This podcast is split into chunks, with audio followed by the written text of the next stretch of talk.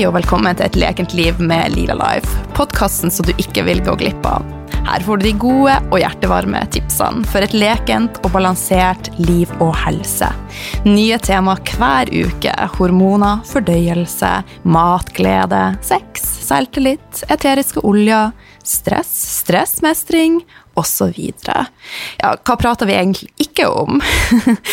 Noen ganger så har jeg med meg spennende gjester, og av og til så er det meg. Og hvem er jeg? Jeg er Oline, jeg er næringsterapeut, yogalærer, veileder i eteriske oljer, mamma, livsnyter og har ei brennende interesse for ei naturlig helse. Jeg har vært alvorlig syk i mange år, og nå er jeg 43 år og faktisk mer vital enn noen gang. Livet, det leker lite grann. Mitt mål med denne podkasten er å vise at det er mulig å gjøre en stor forskjell med små endringer, brikke etter brikke, steg for steg. Sharing is caring, og jeg blir så glad om akkurat du tar deg tid til å legge igjen en kommentar på iTunes. Det betyr at budskapet når flere, og gjerne tips en venn, naboen, en partner. Ja, du får lov å tipse faktisk hvem du vil. Et stort smil og en smask ifra Line Lila Life. Hei og hjertelig velkommen til en ny episode av Et lekent liv med Lila Life. I dagens episode skal vi primært snakke om magnesium, men vi skal også touche innom et tema som jeg sjøl syns er utrolig spennende, men også vanskelig. Jeg har med meg en særdeles kunnskapsrik mann som har hjulpet utallige mennesker, og spesielt barn med autisme. Lovordene de er store og mange, men det å være et skritt foran, tenk helhetlig, er ikke alltid lett. Dagens gjest er lege Geir Flatabø, så hjertelig velkommen til deg. Takk for det. Eh, mye tyder på at store deler av befolkninga har kronisk mangel på magnesium, og som vi vet, så henger alt sammen. Mangel på magnesium kan gi f.eks. stram muskulatur, angst, uro, hjerteproblematikk og mer. Og magnesium er involvert i de fleste av kroppens funksjoner og er et veldig viktig mineral for helsa vår. En annen realitet er at stadig flere unger og ungdommer blir diagnosert innenfor autismespekteret. Så i dagens episode skal vi bl.a. snakke om viktigheten av nok magnesium, hvordan vi kan optimalisere opptak, hvilken magnesiumform som er å foretrekke, samspillet mellom magnesium og kalsium. Autisme, er det noe vi kan gjøre sjøl med livsstil? Så dette blir en veldig spennende episode. Men før vi setter i gang, så vil jeg også lese opp en tilbakemelding fra en av dere lyttere. Og denne kommer eh, fra sør, fra Anette. Fantastisk inspirerende og motiverende podkast. Kunnskapsrike og motiverende Line deler gode tips til å balansere livet og helsen. Superflink til å få med interessante temaer og gjester. Elsker podkasten og får meg til å ta en pust i hverdagen og bare lytte. Tusen takk. Tusen takk for det, Anette. Og jeg blir glad for alle tilbakemeldingene, og gjerne fem stjerner. Og gå inn via iTunes og legg igjen din stemme. Det betyr at vi når flere. Send du meg en mail på line.lillelife.no med screenshot av eh, din tilbakemelding, så kommer det en overraskelse ifra meg. Og nå tilbake til dagens gjest, Geir Flatabø. Hjertelig velkommen igjen, og aller først, jeg har lyst å høre hvordan starta du dagen din i dag? Eh, ligge i senga og lure på skal jeg stå opp nå eller skal jeg vente litt. Grann? Så komme jeg endelig ut av senga, finne en appelsin og eh, litt grann kokosolje, og så opp på en treningssykkel jeg har stående her. Okay. Så starter jeg med tre kilometer sykkeltur fra stuevinduet, han har sagt. Ja. Eh, og så blir det å eh, ta en tur ut i den et, lenge etterlengta sola, eh, som for så vidt også er relatert til dagens tema.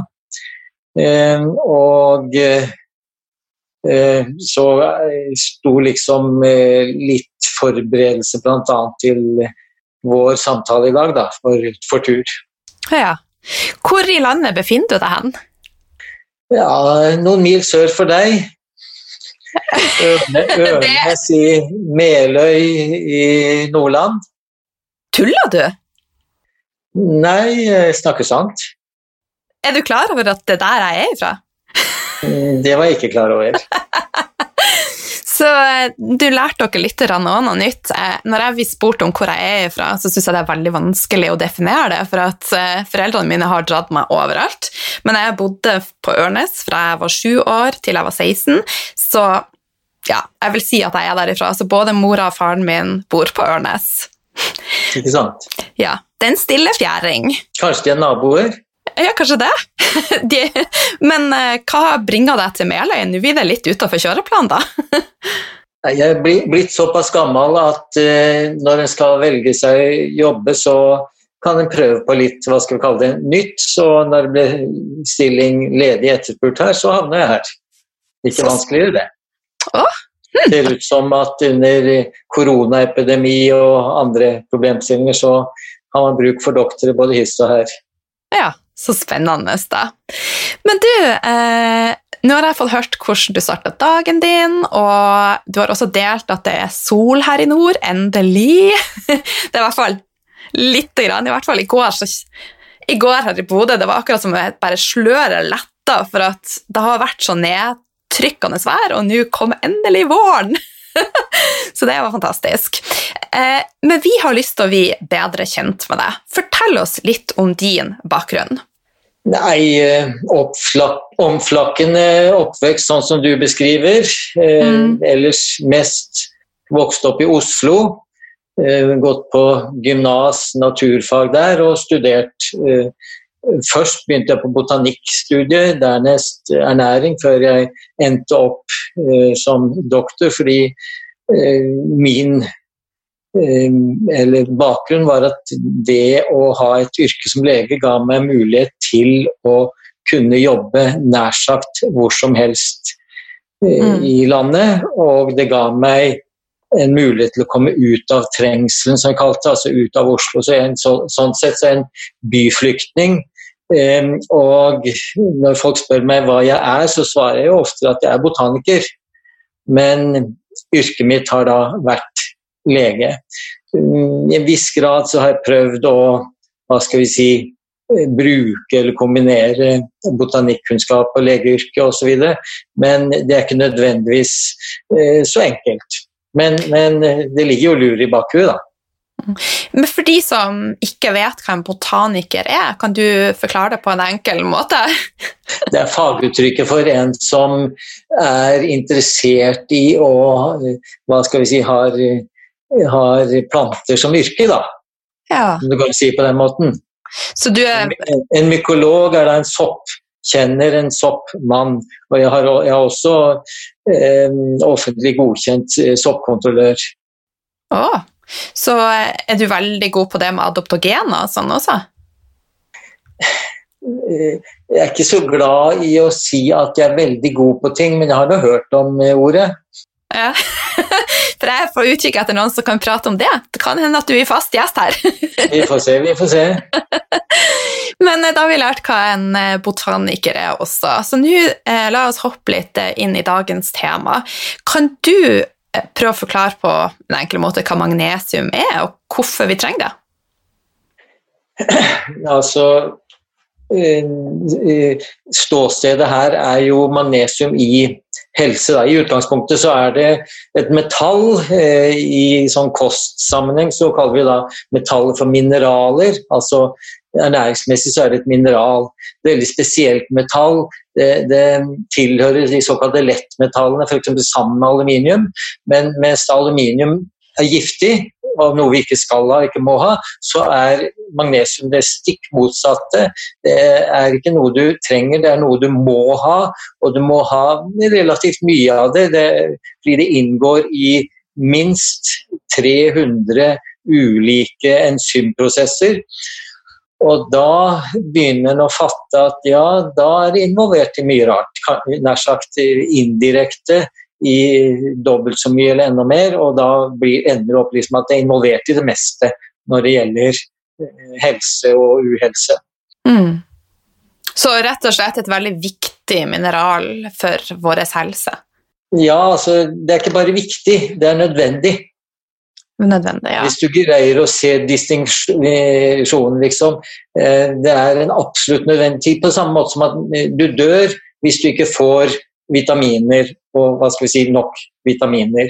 Mm. Eh, men vitaminer er komplekse forbindelser, mens mineraler er jo da enkle greier. Det er liksom Magnesium er et metall. Og, og du dør også dersom du ikke har nok av det. Mm. Og realiteten realiteten er jo at veldig mange av oss mangler det. Ja, det sies så, og studier som er gjort, viser det. Og, og egentlig mange flere enn det man tror, om det går an å si det på den måten. Fordi eh, det som blir gjort veldig ofte, er jo å måle en blodverdi. Og blodverdier, eller serummåling av magnesium, representerer veldig dårlig det reelle hva skal vi si, nødvendigheten av det. Og disse såkalte referanseverdiene som blir brukt på laboratorier, er tilsvarende ikke tilpassa godt nok hva eh, det reelle behovet er når det gjelder å være frisk og holde seg frisk. Mm. Så, så, det er sånn sett ikke, ikke, så lett å forholde seg til for en som er pasient, for å si det slik. Nei. Men hva tenker du er årsaken til at vi har eh, såpass lave nivåer? Eh, du sier det er vanskelig å måle det, men man kan jo kjenne det på andre måter også, at man har mangel. F.eks. jeg eh, får lett kramper hvis jeg ikke er flink å ta tilskudd. Ja, det er jo det typiske. Mm. Eh, men det er beskrevet fryktelig mye mer enn kramper. Eh, du starta med å spørre om, om, hvorfor det er slik. Altså, eh, det blir jo gitt flere forklaringer. Det ene er en såkalt evolusjonsforklaring, som tyder på at vi i vår forhistorie har fått tilført gjennom maten mye mer magnesium enn vi gjør i et moderne kosthold. Det er på en måte en forklaringsmodell.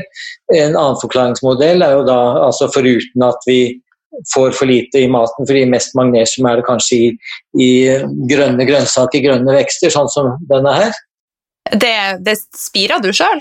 Her har jeg spirt noen eh, nei, matkarsefrø, ja. Det er fort og greit og godt. Jeg, spir, jeg spiser spirer hver dag. Brokkolispirer. Mm. Ikke sant? Ja. Eh, da får du litt magnesium. Eh, det andre problemstilling er at eh, magnesium er generelt vanskelig å ta opp fra maten.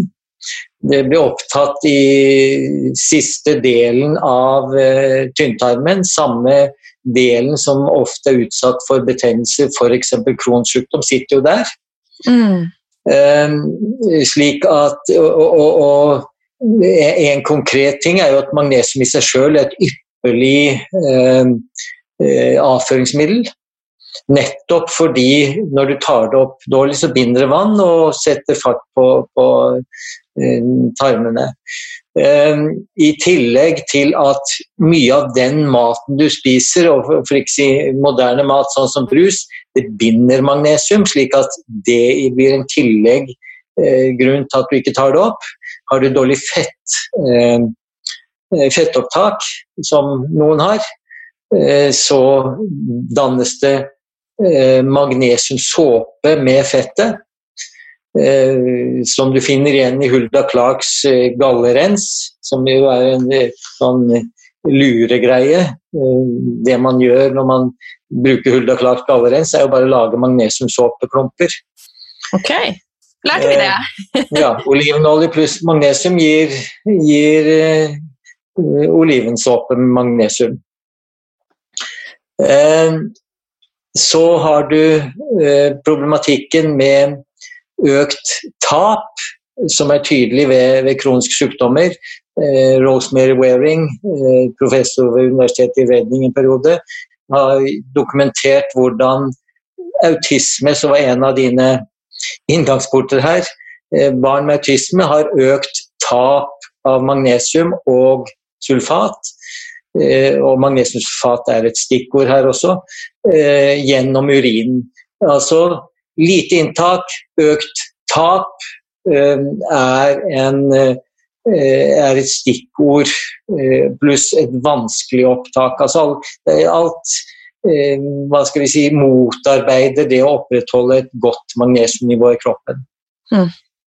Du, du, nevnte det med brus, eh, og at det er med å øke utskillelsen. Er det sukkeret, da, eller er det For jeg drikker mye Farris, og det er det jo mange som også gjør. De erstatter brus med Farris eller andre kullsyreholdige drikker.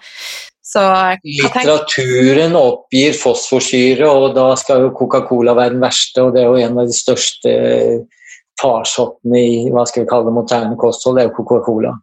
Det er det okay. som, men, men, flere andre bruslag også er tilsatt fosforsyre. En Farris, da, er det det?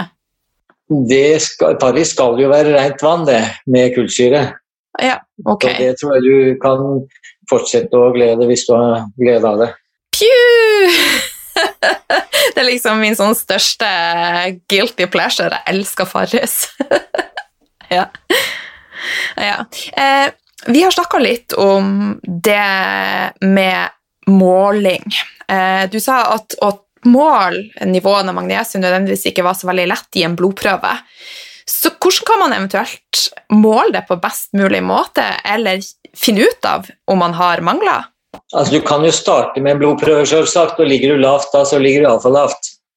Ja. Eh, fordi hvis den er lav, så avspeiler den at eh, der magnesium hovedsakelig er, nemlig inni celler, da er det iallfall lavt inni cellene. Eh, eh, gullstandard for eh, hva skal vi si, vår medisin, det er å måle utskilling i urin.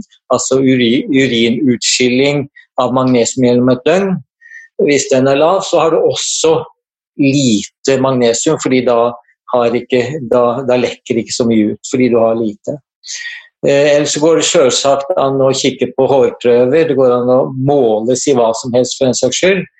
Eh, men eh, egentlig så er vel eh, proof of the pudding ehm, beste målingen. Dvs. Si at du tar magnesium, du bruker magnesium, og så ser på symptomer som forsvinner. Og det er jo typisk leggkramper. Liksom mm. Det de fleste har hørt om og erfarer. Det hjelper på, det hjelper mot leggkramper. Mm. Er det andre ting man kan merke i endring på eh, hvis man da begynner å ta magnesium?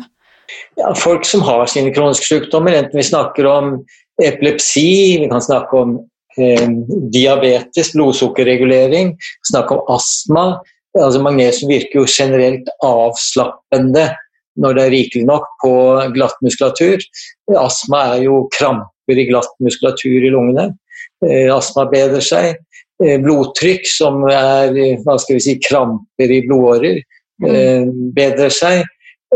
Så du kan si veldig mange forskjellige kroniske plager kan minke hvis du bare får opp magnesiumnivået. Forståelig i den grad de er et resultat av magnesiummangel. Og her er det igjen masse litteratur på dette som viser dette. Mm. Men som eh, Det er jo et ordtak som heter at ost er ikke ost. Eh, og det her kan vi også dra mot magnesium. Magnesium er ikke magnesium. Det finnes, jo, ja, det finnes jo mange forskjellige typer, og det snakkes om at eh, det ikke nødvendigvis er lurt å ta det i kapselform. Kan du fortelle litt om de forskjellige typene magnesium, og eventuelt hvilken måte du anser som mest hensiktsmessig å tilføre magnesium på? De er litt sånn ledende, disse spørsmålene dine, men det er jo greit nok. Eh, det er jo klorid og sulfat som oftest blir omtalt. Det er enkle eh, mineralioniske forbindelser, altså magnesiumklorid og magnesiumsulfat. De er greie av to, to, grunner. Fordi det er fryktelig billige. Fryktelig billig måte å få det i seg. Og tas opp veldig greit. Du får greit magnesium. Eh, og av de to så foretrekker vi sulfat, foretrekker sulfat, altså magnesiumsulfat via huden. Igjen fordi også for magnesiumklorid og magnesiumsulfat så er det et problem med opptak gjennom tarmen, selv om det er bedre enn de fleste, pluss at de smaker så jævlig. Ja. Eh, sulfat er enda verre enn en klorid. Ja. Um, og skal du litt opp i doser som skal hjelpe, så får du vanligvis diaré.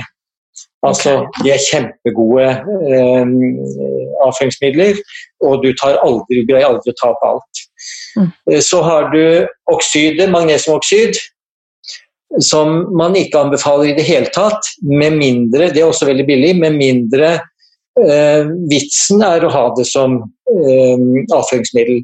Nettopp fordi at magnesiumoksid det er, tas fryktelig dårlig opp. Så det er et ypperlig avføringsmiddel. Alle som har treg mage, så anbefaler vi magnesiumoksid og C-vitamin. Mm. Eh, så har du de som er bundet til organske organiske syrer, sånn som malat, orotat, sitrat. Eh, det er helt ålreit. Det, det er gode greier. Eh, I den grad det er noe problem med dem i det hele tatt, så er det det at det er veldig lite magnesium i dem. Altså Det er mye sitrat, disse, disse organiske syrene. Når du leser at det er 500 mg, så er det veldig lite av det som er magnesium. Altså Det er mest 500 mg sitrat eller malat fordi det er store molekyler.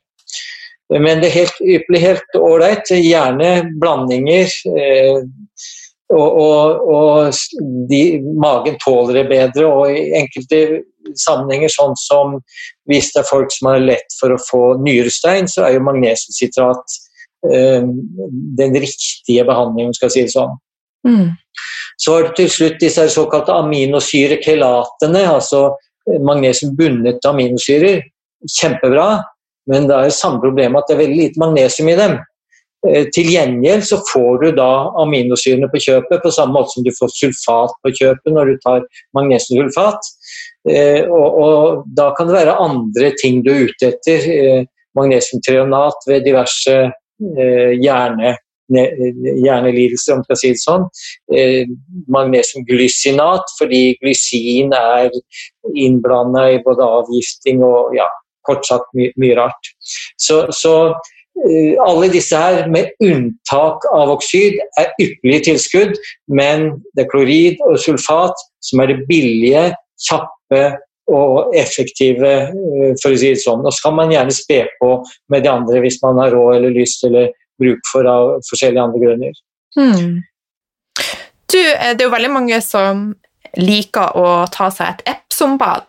Eh, hva er dine tanker om Epsom som Epsom-salt som en magnesiumkilde? Alle som har prøvd det, liker å ta et Epsom-saltbad. Mm. På tysk så heter det bittersalt. Mm. Eh, og navnet har det fra Epson i England. Det var en bonde som så at kyrne ikke ville drikke av, drikke av drikkevannet deres fordi det var så bittert. Da fant man at jaha, her er det eh, det som senere ble vist å være magnesiumsulfat. Han oppdaget da det helbredende egenskaper. Eh, Jeg sjøl var en tur i en by i Kaukasus som heter Mineralnivådi, altså mineralvannsbyen. Den stinka svovel, helt forferdelig, kunne ikke skjønne at folk kunne bo der. Men det var jo da dit eh, millioner av mennesker valfarta for å bade seg friske. Og de Oi. badet seg friske i magnesiumsulfatkilder. Og disse stinka svovel, svovelkilder. Nesten som du skulle være i helvete på lukta og dømme. Du, jeg har vært i en sånn kilde når du snakker om det. De har sånne kilder i Italia også. Ja da, Ja. det er flere steder i verden. Så, eh, og det er forferdelig lukt. men veldig helbredende, fordi da får du en stor overflate som tar opp både magnesium og sulfat. Mm. Og det er greit, Vi snakker mye om magnesium, det er veldig viktig, nær sagt dødsviktig. Men eh, sulfat er nær sagt like viktig, og også mangel hos folk med, med kroniske plager. Så sulfat eh, har kroppen har et mye større forbruk av sulfat enn magnesium, som, som sagt, fordi alle slimhinner blir det vi kaller sulfatet, så du, du taper hele tiden sulfat i enda større grad, som må erstattes. Mm. Eh, Så det, det er ypperlig. Et sånt sulfatbad, flott. Inn med badekarene, ut med dusjene. Og, og nest beste blir jo da fotbad. Eh, Ah. bøtte med vann, og så en halv kopp eller en god dose eh, magnesiumsulfat som du får kjøpt på, på Felleskjøpet. Eh, litt grann tungvint. Litt enklere og like effektivt for så vidt er da å bruke en krem. En krem, ja. Er det din foretrekkende måte å bruke magnesium på? Ja, i den forstand at det er jo det jeg personlig bruker mest, ja. Helt klart. Fordi igjen, det er effektivt, det virker raskt. Det virker ofte I, i den grad leggkramper er et problem, så virker jo der og da, momentant nesten. Eh, og bare det å massere, bli massert, mm. har jo en tilleggspositiv effekt. Mm. Ingenting som er så beroligende som lavendelkrem med magnesium, eller omvendt magnesiumkrem med lavendel, og en person som masserer deg. Mm. Eh, da er du nødt til å slukne. Men den, du holdt frem den magnesiumkremen som du bruker. da. Hvor ofte og hvordan bruker du den? Nei, det var et godt spørsmål. Jeg, jeg har jo ikke verken eh, diabetes eller astma eller leggkramper eller noen ting. Jeg er sånn såkalt uforskamma frisk eh, i sånne tilfeller. Men, men eh, for hele siden sånn, du kan bruke den så mye du vil. Mm. Sjøl så smører jeg kanskje, hvis jeg husker på det en gang om dagen, et lite område. Og, hvis jeg har vondt noe sted, så kliner den på. Og det har igjen med at eh, magnesium er involvert i mye rart. Det, er ikke i seg sjøl smertestillende, men allikevel så er jo tilbakemelding fra folk flest som bruker det, at det virker smertestillende. Særlig på sånne hva skal vi kalle det, treningssmerter. Eh, mm. Melkesyreopphoping og sånt, og så virker det ganske momentant. Eh, forkorter sånn treningsrelaterte problemer ganske kjapt. Eh, forkorte restitusjonstiden, som det heter. Ja. Men, Så det er sånn sett helt suverent, ja. ja.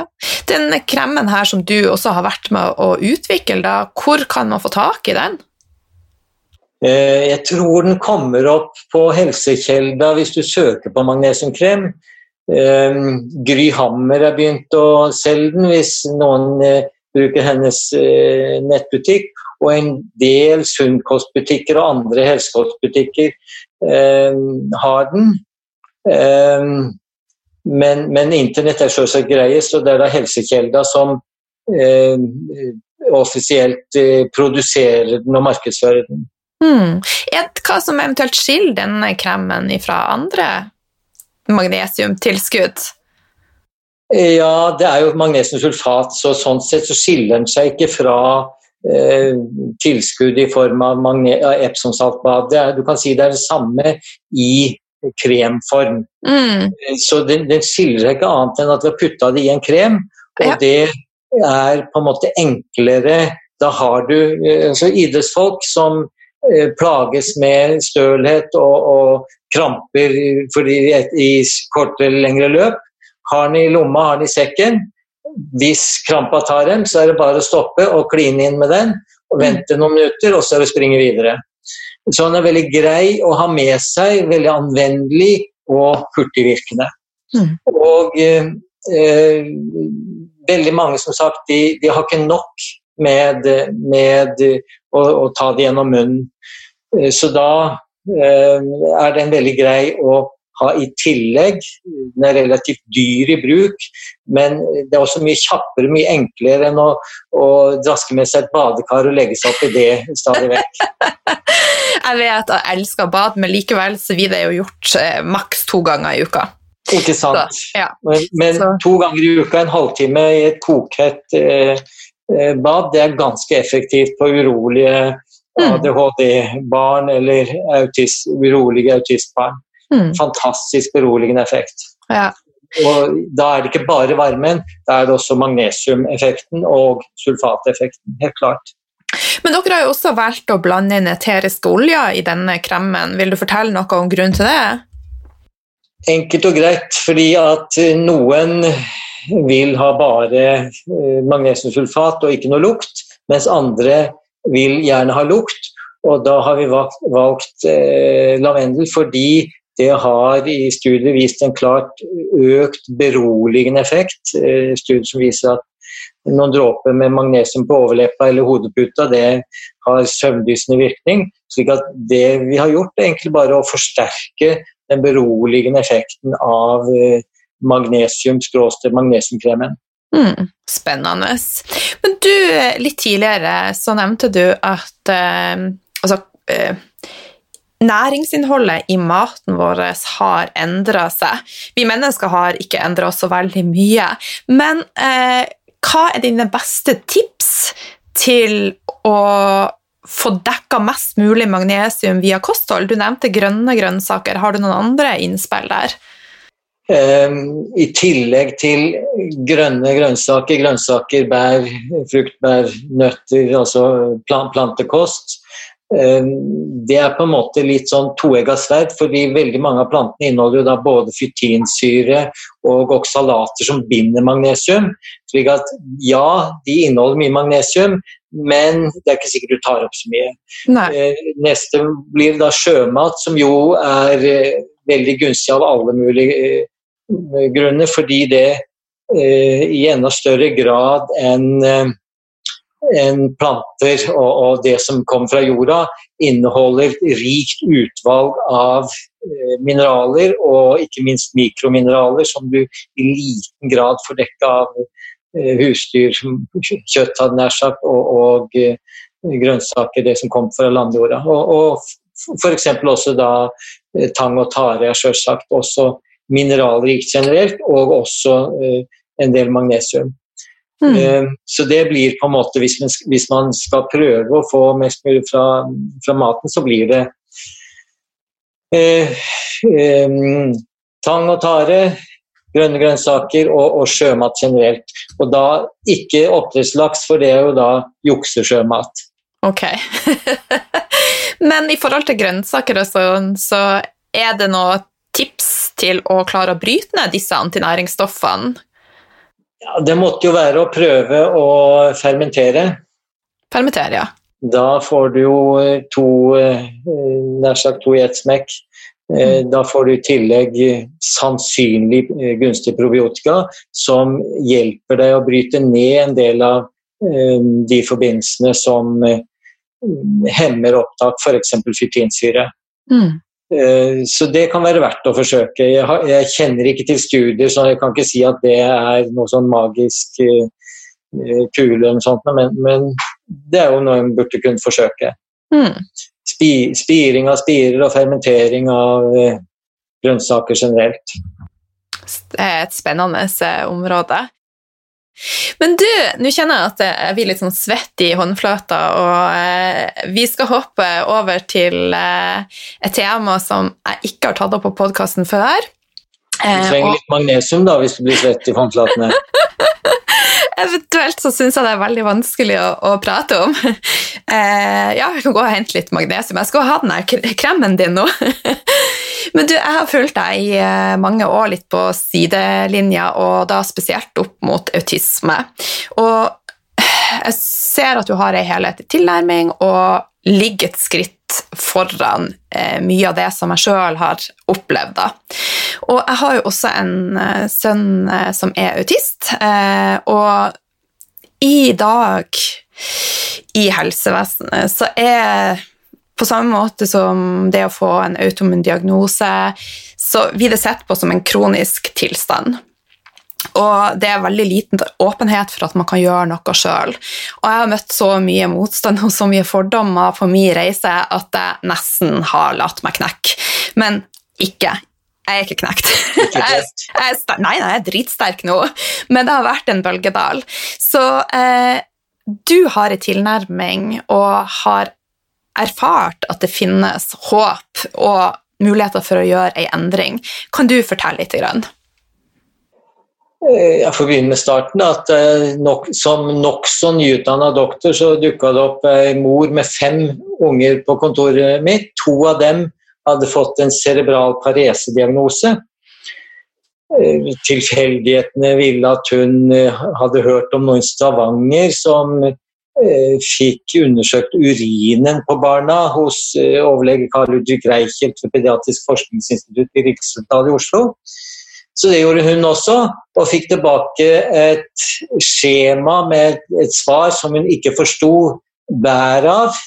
Mm. Så da kom hun til doktoren og ville ha tolka hva det var for noe rart som sto der. Og jeg skjønte omtrent akkurat like mye, det så helt gresk ut. Men jeg skjønte såpass at det var en kurve, en, en eh, såkalt kromatografikurve, eh, som viste noe, et eller annet rart. Så da måtte jeg ringe han som hadde forfatta dette, funnet på dette, Karl Ulrik Reichelt. Og det var jo en døråpner utenom det vanlige, og, og helt hva skal vi si, uventa. Og, og, ja, eh, den åpna et vindu inn til en forståelsesmåte, en forklaringsmodell, som var helt eh, borte fra eh, det jeg hadde lært på, på doktorskolen. Altså at peptider fra maten Peptider det er korte aminosyrekjeder, altså byggesteinen i proteinene i kroppen, som da havner i urinen. I Reichelt fant dem i urin, dette har han holdt på med i noen år. og Det han fant, var at um, autister, eller de med autismediagnose og schizofrenidiagnose for, for en saks skyld, deprimerte, psykiatriske lidelser generelt, de hadde mer enn friske av disse peptidene i urinen. Mm, kan sammenlignes litt med følgingssykdom, hvor man da hadde funnet såkalte såkalt fenylketoner i urinen, som avspeilt følgingssykdom, eller fenylketoneri, eller for den saks skyld diabetes, som egentlig betyr søt urin. De mm. har sukkerurin, altså det avspeiler en sykdom. Så disse peptidene de viser seg jo De har en biologisk aktivitet, biologisk farmakologisk aktivitet. De er eh, opioide, altså, eller de virker som opiater. Dvs. Si at de begynner å rote og blande og klusse med kroppens endorfinsystem. Og endorfiner er jo noe nytt i medisin for så vidt, det også, men det er etter hvert sånn som folk har hørt om. altså Det er et veldig hierarkisk overordnet hormon som er med på å styre f.eks. humør, eh, smerter, immunitet. Og, og, da er det litt som magnesium, det er involvert i det meste. Ja. Slik at når da Reichelt fant masse eller for mye av disse peptidene, så avspeiler det var hans teori. Eh, og Opprinnelig så var teorien at det var hodet som lagde dem. Altså at det avspeilte at sykdommen lagde slike peptider. Men på en kongress så fikk han vite at nei, det kom fra maten. Så uh, etter å ha regna på det og undersøkt det, så ble han nok enig i at jo, det kom fra maten. Og etter hvert så har det vist seg at det, da, det kommer fra ikke bare maten, men det kommer hovedsakelig fra gluten. Altså gluten, eh, eksorfine glutenopioider og kasein i melk. Altså den hvite manns hvite mat. Ja.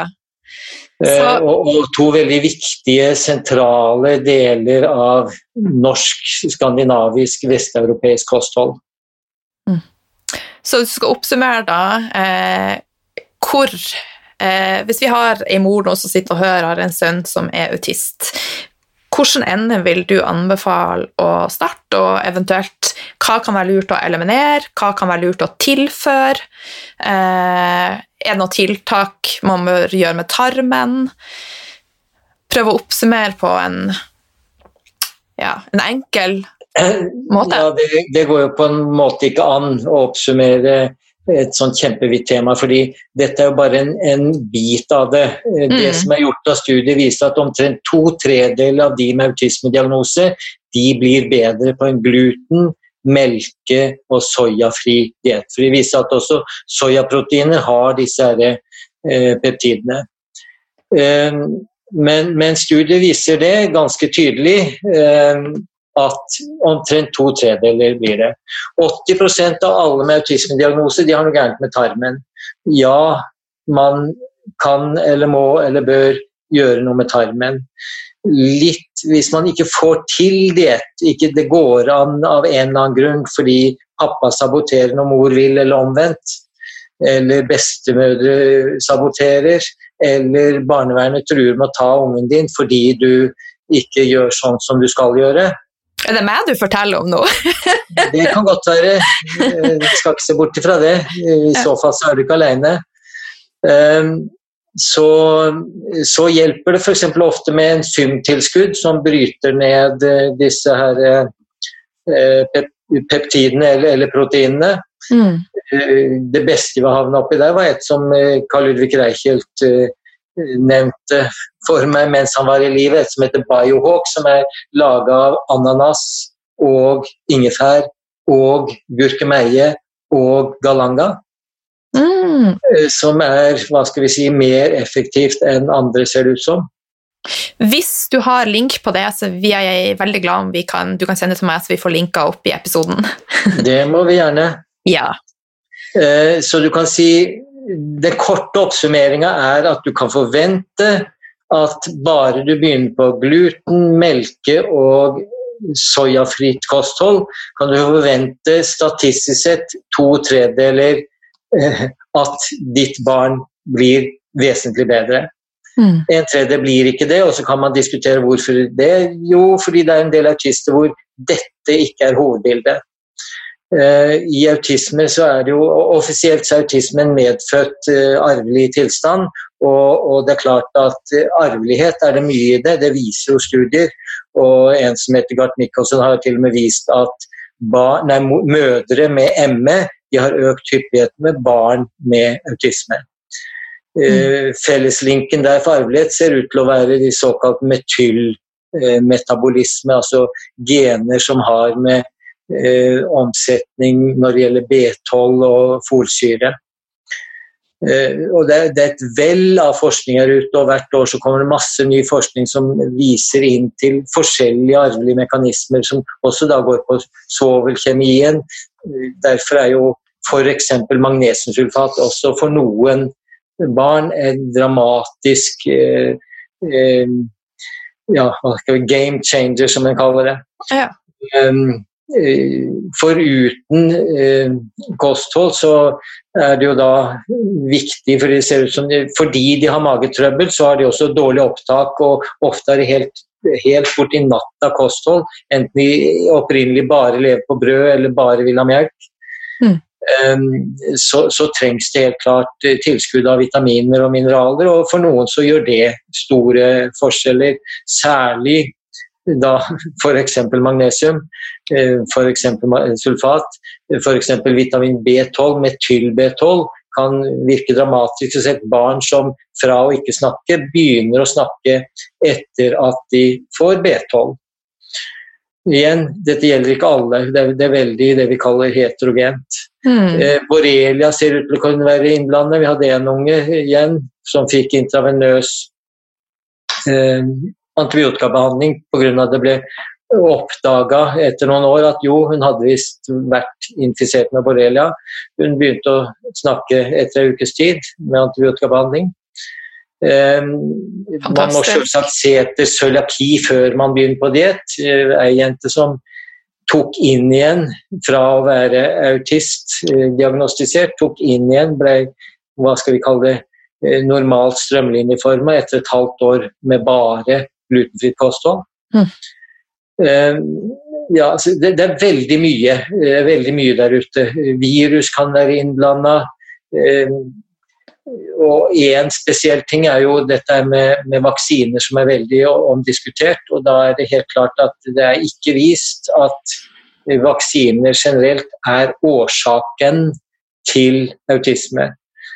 Eh, Men så skal vi samtidig vite at det motsatte er heller ikke vist. Det er ikke vist at vaksiner ikke er årsak til autisme. Og, og det skyldes jo eh, det første at det aldri er gjort noen studier som kan vise at eh, vaksiner generelt er årsak til autisme, pluss at det er helt klart at alle barn med autisme har ikke en vaksine som utløsende årsak. Spesielt ikke de som har på en måte diagnosen med seg fra de er født. Mm. Altså før de får noe som helst vaksiner.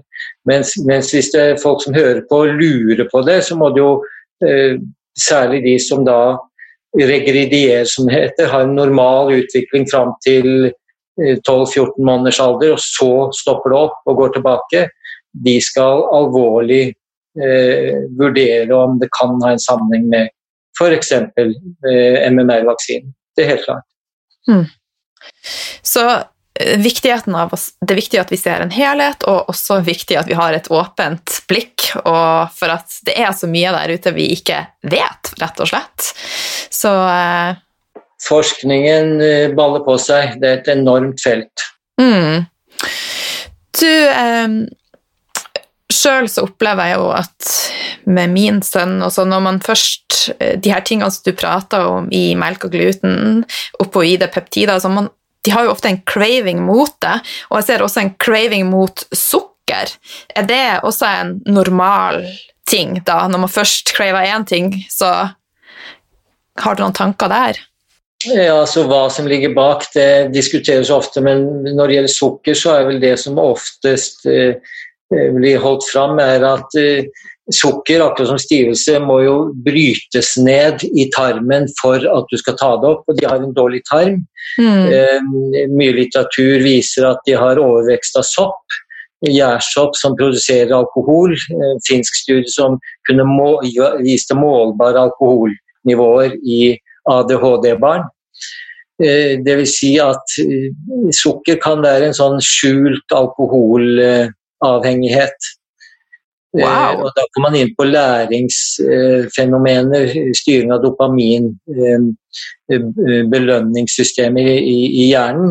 Hvorfor noen elsker avispapir, og noen elsker Jeg vet ikke, det er så mye rart som, som folk kan finne på og, drages mot. Men, men, typisk er jo dette her med eh, gluten og, og melk og, og, sukker. Det er veldig hyppig og veldig typisk. Mm. Du, eh, jeg ser jo sjøl at evnen til å være foran, se helhet og ikke følge nasjonale råd eh, nødvendigvis ikke er så enkelt, og av og til så koster det. Eh, jeg kjenner at det koster mye personlig, og enkelte ting er jeg redd for å snakke om. Eh, har, hva er dine tanker her, og hva er dine erfaringer? Ja ehm, sånn eh, For pasienter så er det vanlig at folk kvier seg og til dels gir opp i å prøve, til dels selv om de ser effekt av en slik tilnærming. Ehm, fordi motstanden i miljøet er, er veldig stor. Ehm, min egen erfaring er jo også at eh, offisielle helsemyndigheter misliker sterkt at en eh, hva skal vi si, i det hele tatt eh, markedsfører og hevder temaer, kunnskap, sannheter som ikke er Eh, hva skal vi si, nedfelt i det de kaller for allment akseptert oppfatning.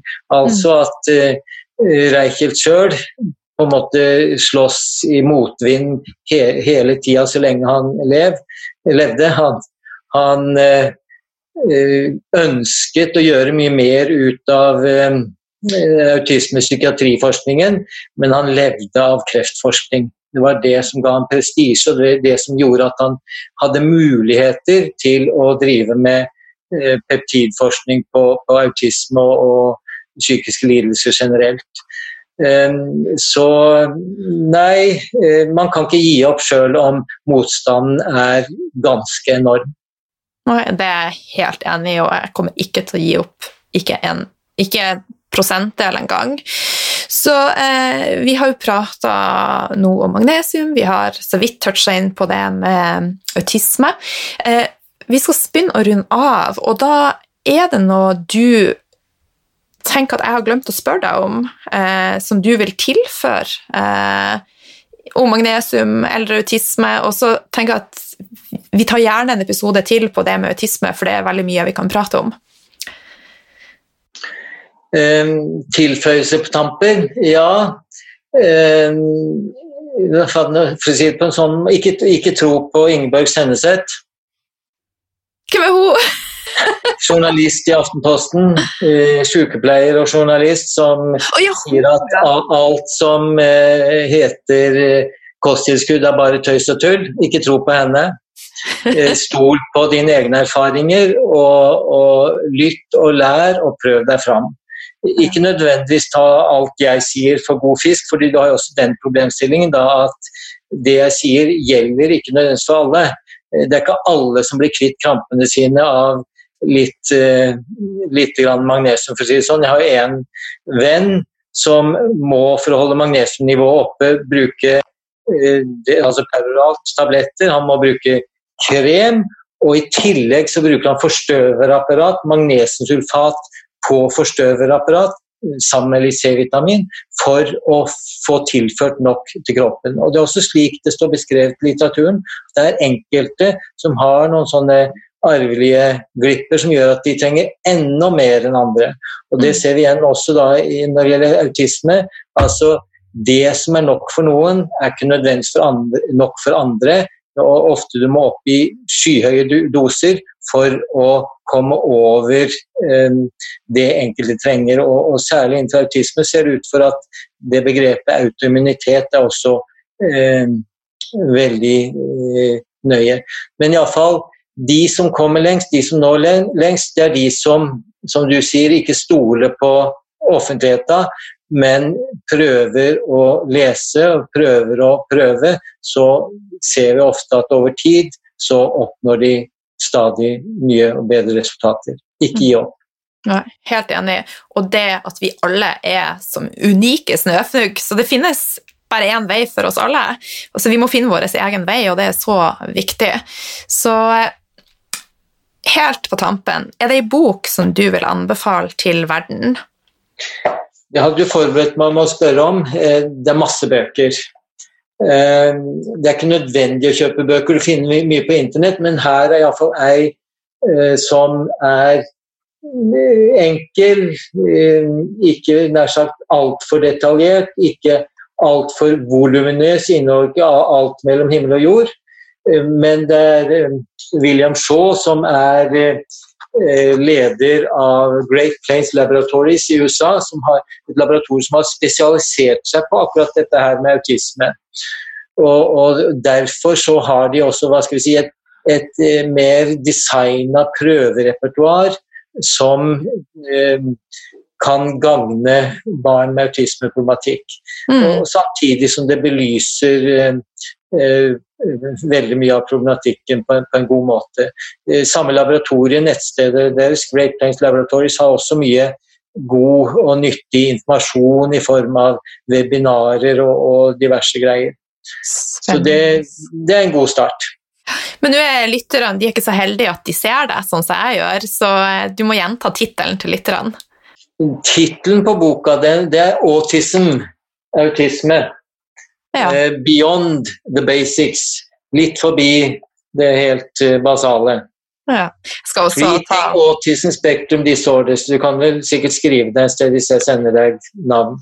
Det skal jeg få med i eh, Og også ikke minst da, hvis en er interessert og vil være med i et fellesskap når det gjelder gluten, melkefri, soyafritt kosthold, så må en være med i Mat og atferd, foreningen Mat og atferd. Og det finner man på Facebook, eller vi kan jo uansett legge det med notatene? På Facebook og, og nettsted, ja. ja. Men du, det har vært veldig veldig eh, hyggelig å ha deg med. Jeg setter veldig stor pris på at du satte av tid til meg og lytterne. Ja, jeg kunne ikke være ute i sola akkurat nå, da, men, men så forsvant sola, så det var greit. det er meldt sol i morgen også, og dagen etter der og dagen etter der. Kommer en dag i morgen. Ja, det er sant. Tusen takk, Geir. En stor ære å ha deg med. Takk, det samme, du.